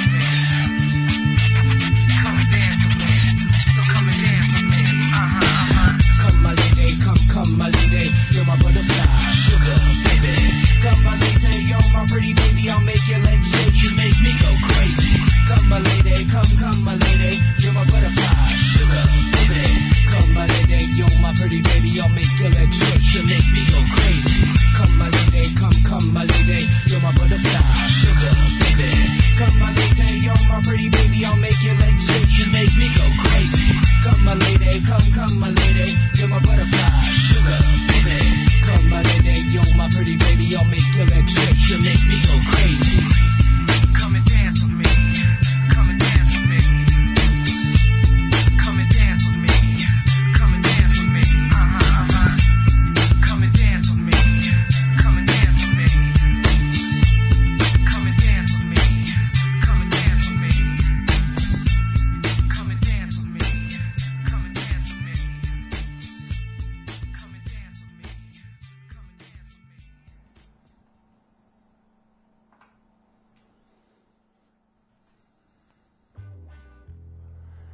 Tako posle muzičke pauze vraćamo se ponovo u studio. Exit smo prokomentarisali, prokomentarisali smo neplanirano evropska takmičenja i kvalifikacije, ali zato ti imaš jednu jako interesantnu vest, pa podeli sa našim slušalcima. Da, ovaj, svi znamo da se u prethodnom periodu igrala uh, Copa Amerika, paralelno sa evropskim prvenstvom. Uh, Lionel Messi je sa Argentinom osvojio trofej i pobrao sve moguće zasluge za taj trofej i sve ono što mu je zapravo i treba falilo u karijeri. Ali ono što je negde nama posebno privuklo, privuklo pažnju je glavni sudija meča između Brazila i Argentine. Kratko ću samo reći da je Argentina golom Di Marije ovaj sa 1:0 savladala savladala Brazil. A što se tiče glavnog sudije, to je naše gore list. Esteban Ostojić. On je privukao svakako pažnju medija. On ima 39 godina. Uh, zna se da je poreklom sa prostora bivše Jugoslavije i njegovi preci su se doselili u Montevideo 1930. godine kada je Jugoslavija igrala na svetskom prvenstvu. da, sudio je mnoge važne i teške mečeve, a sve je počeo 2004. godine kada je postao sudija. Trebalo mu je 9 godina da debituje profesionalno futbolu, a to je učinio 2013. I potom je uspeo da se afirmiše kao jedan od najboljih južnoameričkih sudija. Značku FIFA dobio 2016. godine, a zbog sudijskog posla i obuke svoje vremeno je napustio posao kojim se 13 godina bavio a predavao je na Šahovskoj ka akademiji u Urugvaju, a posveću smo je donela četiri izdanja Copa Sudamericana, od 2017. godine redovan je na Copa Libertadoresu. E, otac je četvora dece, živi u San Joseu, e, on je rekao da na poslu me održava, podržava, imam podršku kada putujem, trpe me i saradnici, ipak svako putovanje, putovanje zahteva barem tri dana. Njegov otac je takođe bio isteknuti sudija u Urugvaju, a dede mu je vodio turnire u San Joseu. E, o njemu se posle finala previše i ne priča, što svedoči da je uradio jel, dobar posao, e, uspostavio autoritet, nije padao na manipulacije Neymara, nije se libio da pokaže e, kartone, tako da je onako zaista je vodio meč sam po sebi veoma veoma zanimljivo na dobar način, a on je eto kao kao pojava eto nama bio bio zanimljiv, eto prokomentarisali smo ovo je eto uspesi naših u svetu. da, pošto nas nije bilo na evropskom prvenstvu, ovaj evo bilo nas je Copa Amerika, Copa Amerika. Ovaj eto mi Esteban Ostojiću želimo sve sve najlepše u daljem nastavku karijere.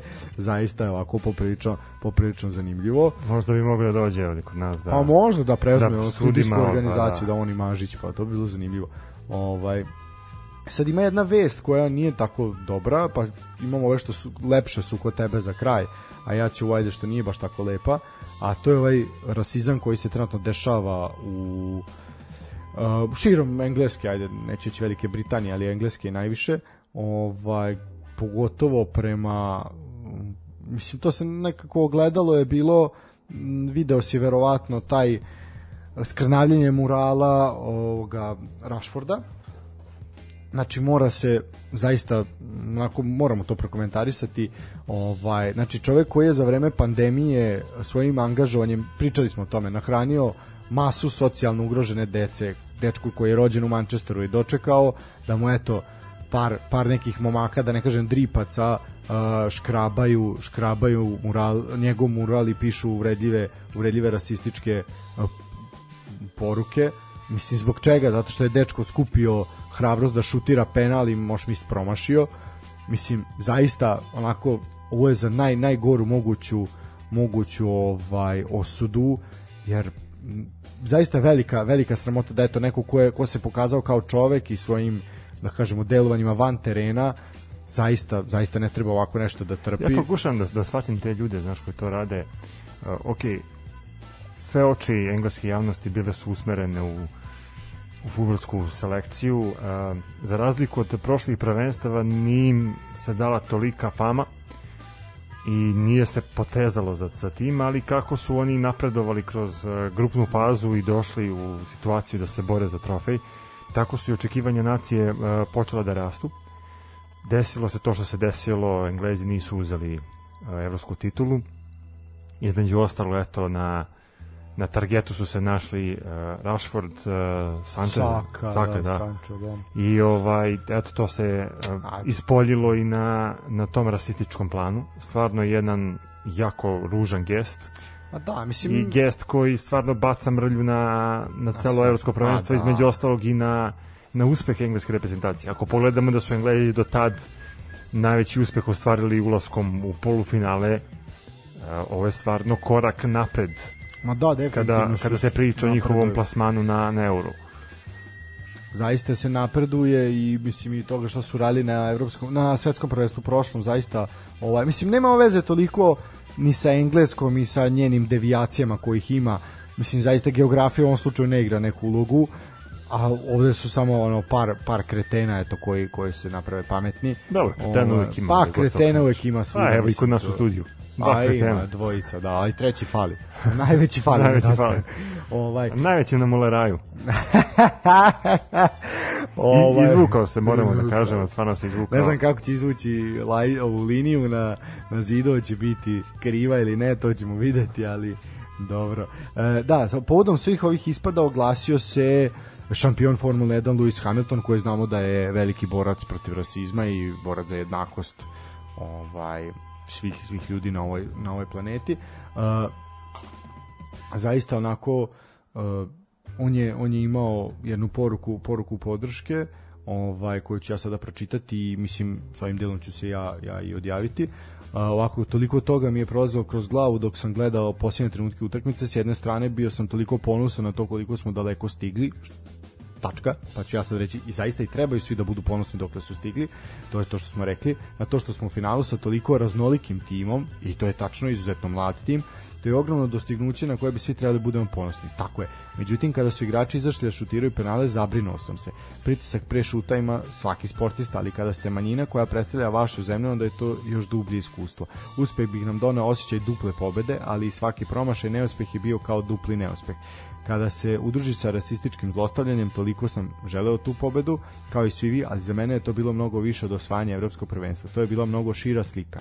Međutim, odvratno ponašanje nekolicine pokazuje koliko još treba posla obaviti. Nadam se da će ovo pokrenuti debatu u vezi sa prihvatanjem. Moramo da radimo na društvu koje ne zahteva da crni igrači dokazuju svoju vrednost ili mesto u društvu samo pobedom. Konačno, svi bi u engleskom timu trebalo da budu toliko ponosni na svoje dostignuće na to kako su nas predstavljali. Napisao je Hamilton na svom zvaničnom Instagram Instagram profilu. Uh, ja bih se složio s tim zaista zaista ovaj dragi moji Englezi imate na šta da budete ponosni Fant odigrali ste turnir kako ste odigrali došli ste za vas od fantastično za nas možda ne toliko ovaj došli ste zaista daleko i bili ste među favoritima to ste i opravdali lutrija, penali zaista jesu lutrije i date ono koncentracija u tom momentu koliko imate još mentalne snage. Ovaj na ovaj put niste imali sreće, ne znači da neki neki ovaj drugi put nećete. Ono što je bitno reći da je FA i premijer Boris Johnson i gradonačelnik Londona da su svi stali u zaštitu fudbalera što je zaista bilo i za očekivati.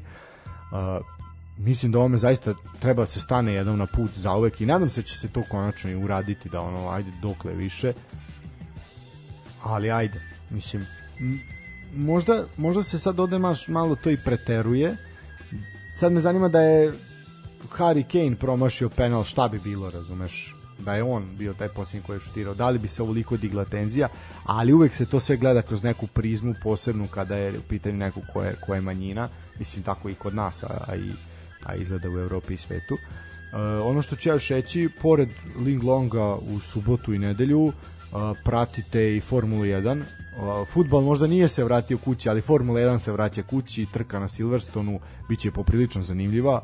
Ovaj, Mercedes ganja Red Bull, imamo odlično zanimljivu sezonu, nadam se da ćemo uskoro imati nekoliko ko malo od toga, mogu o tome sa nama da priča i to bi bilo to s moje strane. Evo ja ću za sam kraj da čestitam e, našoj reprezentaciji, odnosno Marku Rosiću i Stefanu Slavkoviću, koji su postali šampioni Evrope u futbolskoj simulaciji UEFA PESA 2021. E, Stvarno jedan veliki uspeh, e, obzirom da znamo da im je na ranijim prvenstvima i turnirima ova nagrada i prvo mesto izmicalo i eto poziv za da možda naše e, čelnike i saveza a i vlade da organizuju jedan e, doček jer ako ne možemo da se da se dičimo našim fudbalerima i u mlađim kategorijama i u, i u Daj makar ovima što igra igrice. daj bar ove da dočekamo što igraju igrice Onda i nas mogu da dočekaju. svakako ovaj još jednom sportski svaka čast Mi koji smo nekad igrali igrice znamo koliko to može da boli, Palčeve po, i pogotovo pogotovo. kada treba da ideš u školu, pa onda treba i da se time piše, odnosno rukama naravno, ali stvarno jedan jako impozantan ovaj stvarno fenomen da smo eto šampioni Evrope A to samo pokazuje u, da, da, da se igra igrice. Da, da. Znači da dobro. se ne ide u školu i igraju se igrice. Da. Eto, do, još jednom sve čestitke našim reprezentativcima i želimo im uspeha na narednim turnirima. Time se odjavljujemo. Narednu epizodu možete slušati sledećeg ponedeljka. Najverovatnije ponedeljka ako ne bude nekih izmena, a i ako bude o tome ćemo vas detaljnije obavestiti. Kao što smo već napomenuli, pratite domaći sport, pratite Liglog Super ligu, Futbal se vraća kući. a mi ćemo vas eh, blagovremeno izveštavati o drugim sportskim vestima. Do sledećeg slušanja, sportski pozdrav!